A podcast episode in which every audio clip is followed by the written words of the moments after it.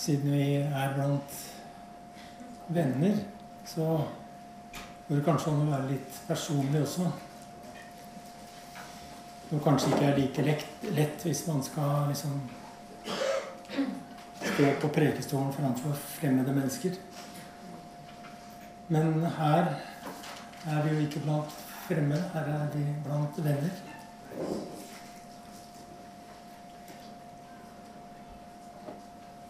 Og det jeg tenker er at uh, på en måte så er jeg glad for at uh, Jesus fant meg før jeg fant menigheten.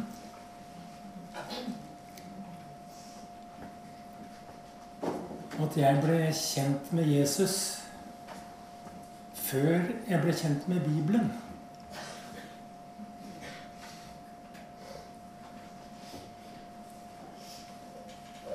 At jeg opplevde at Jesus lever, og at han er her. Det var bare det. Jesus lever, og han er her. Og det var en erfaring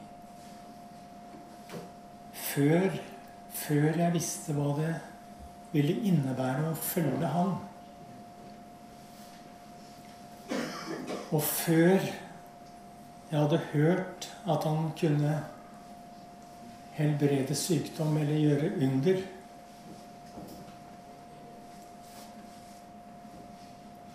Poenget er at mitt første møte med Jesus på en måte var fri fra sånne forventninger.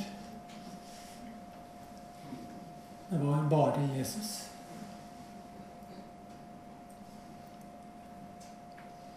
Jesus ble på en plutselig og uventa måte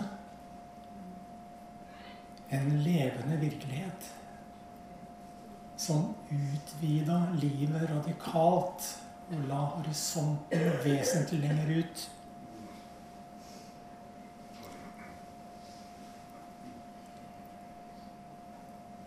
Jesus som var full av en fullstendig uventa og ubeskrivelig herlighet og hellighet. Kort sagt, det var en Jesus uten.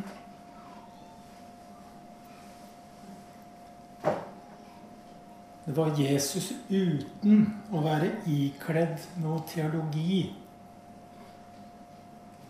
uten noe trossamfunn og uten menighet eller moralske leveregler. Og uten manifestasjoner. Og sånn holder jeg fast på Jesus også i dag. Og derfor så blir ikke min tro på Jesus rokka dersom ingen under skjer, og ingen kommer til tro, eller ingen nådegaver blir manifestert.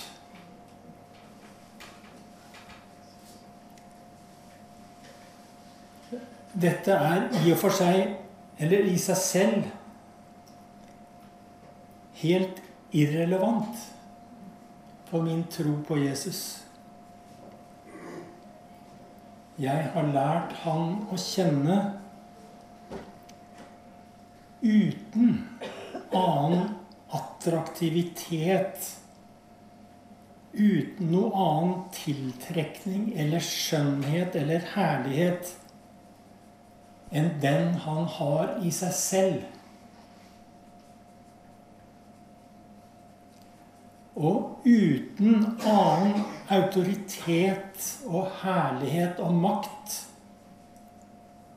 enn han har som Guds sønn, som ble menneske, og som åpenbarer seg iblant oss.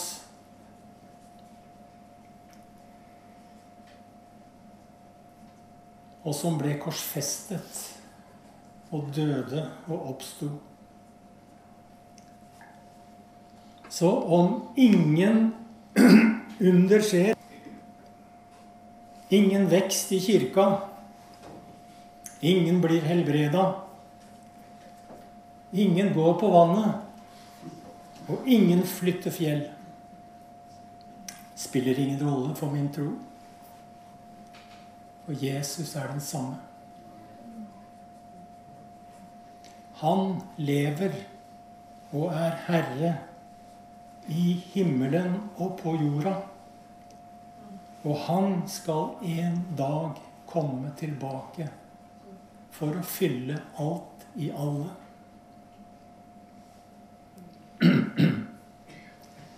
Og så hører det med til historien at jeg møtte han igjen. Jeg møtte han igjen i menigheten. Og jeg møtte han igjen i bibelordet. Og da selvfølgelig også ikledd de tradisjoner og tolkninger som hørte miljøet til. Og hvis jeg hadde havna i en annen kirke, et annet miljø,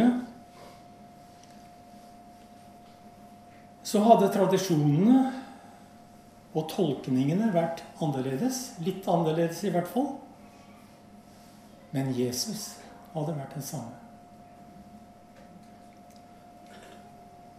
Her i kirka, altså, møtte jeg Jesus med. Her møtte jeg Jesus med en kropp. Med en ordna menighet. Med nådegaver. Til å forandre menneskers liv. Og det er helt åpenbart at jeg står i gjeld til menigheten. Og til de kristne dogmene og teologien. Og jeg ville ikke for noen pris være foruten. Men jeg har ikke min identitet i et kirkesamfunn eller i en fiksert teologi. Jeg har min identitet i Kristus. Og jeg tilhører Han. Da jeg begynte å lese i Bibelen, så så jeg at Jesus også ønsker å bli bedt inn i våre sår. Og jeg så at kirka som Kristi kropp var kalt til å formidle Kristi liv. Og jeg så at helbredelse var en del av dette oppdraget. Og derfor ber vi for syke i tro på at det inngår i Guds vilje. Men samtidig så fører dette oss inn i et spenningsfelt. Hvor vi lever mellom troen på Guds vilje til å helbrede og vår erfaring av at mange ikke blir det. Og samtidig så ser vi at mange som lever med sin lidelse, eller gjennom sin lidelse, står fram med en dypere tillit og ømhet i sine liv. Ja, som ofte har vunnet en visdom i Kristus. En visdom som vitner sterkere om Jesus enn de som annonserer sine mirakler for åpen scene. Og av og til så kan de store og ubesvarte spørsmåla som henger i våre hjerter De kan inneholde en større tro enn de lettvinte svara. Allikevel så trenger jo ikke denne erfaringen å bety at vi behøver å stenge av våre forventninger til Gud. Når det gjelder bønn for syke, så har vi grunn til skepsis mot showprega metoder og kampanjer som setter predikanter og tjenester i sentrum.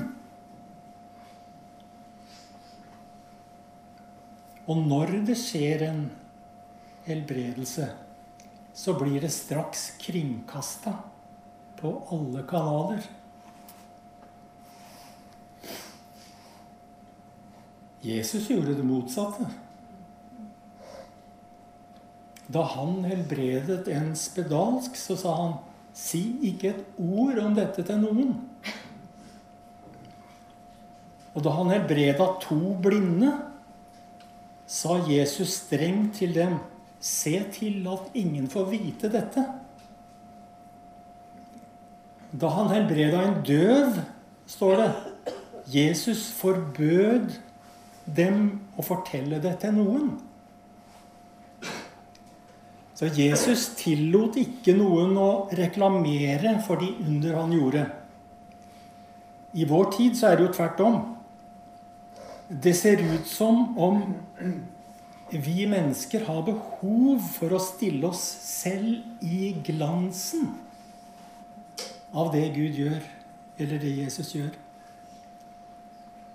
Og det ser ut som om vi har behov for å bruke det, utnytte det, bevisst eller ubevisst, som et slags bevis på min sterke tjeneste. Vel, det er menneskelig, det òg. Og jeg tror at Gud ser med ømhet også på denne tilbøyeligheten. Jeg velger i hvert fall det.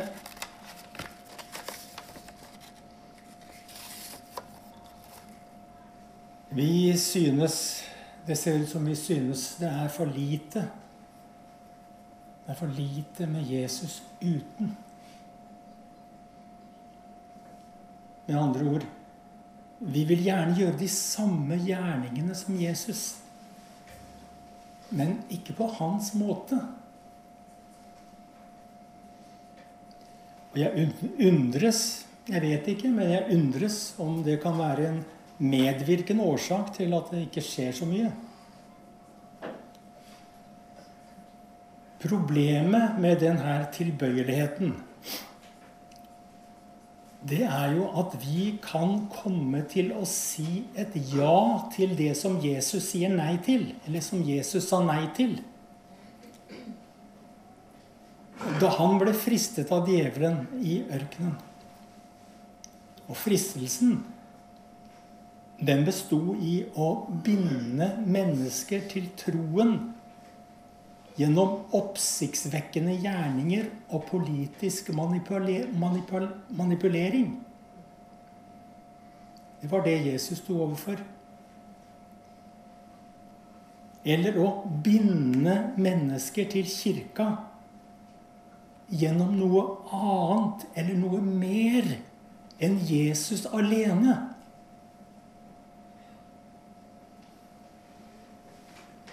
Men Gud har valgt å kalle oss uten annet enn Jesus skjønnhet i seg selv. Og med den kraft og de nådegaver som hans navn, hans navn inneholder. Og det første viser oss Guds ansikt. Det andre utfyller bare dette bildet. Men det er Jesus alene. Til slutt, altså. Det finnes et tungt bibelvers i 2. Korinterne 11, fra det andre til tredje vers. Og det er Paulus som utgjør sitt, utøser sitt hjerte, hvor han sier jeg har lovet, eller forlovet, som det sto i den gamle oversettelsen. Jeg har forlovet dere, eller lovet dere bort til Kristus, og bare til ham. For å føre dere til ham som en ren jomfru. Men jeg er redd. Jeg er redd at slik slangen narret Eva med sin list, skal også deres tanker bli ført på avveier, bort fra den oppriktige og rene hengivenheten til Kristus. Og det ordet 'oppriktig', som her er oversatt, er her oversatt fra greske, et gresk ord som heter 'haplotes'. Og det betyr opprinnelig Oppriktig betyr altså udelt, enfoldig, uforbeholden, sjenerøs og frisinnet.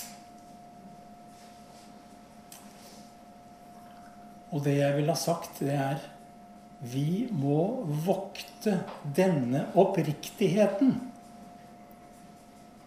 Og vi må vokte denne udelte, enfoldige, urforbeholdne, sjenerøse og frisinnede kjærligheten til Jesus alene. Uten noen tilføyelser. Men med alle de gavene som Gud har gitt oss i ham. Det fins en del sideveier langs troens landevei.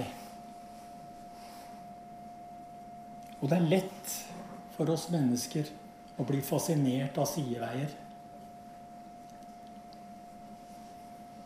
Sideveiene kan bringe oss inn, i, inn, på interessante og spennende områder i og for seg. Og hele tiden kan Jesus være i bakgrunnen. Men hørte dere hva jeg sa? Jesus i bakgrunnen. Kjære Gud, bevar oss fra at Jesus skal havne i bakgrunnen på alle våre veier. La hjelp oss, Herre, til at Jesus må være i sentrum. Uten andre forventninger enn at Hans herlighet og makt skal komme til syne. Han alene.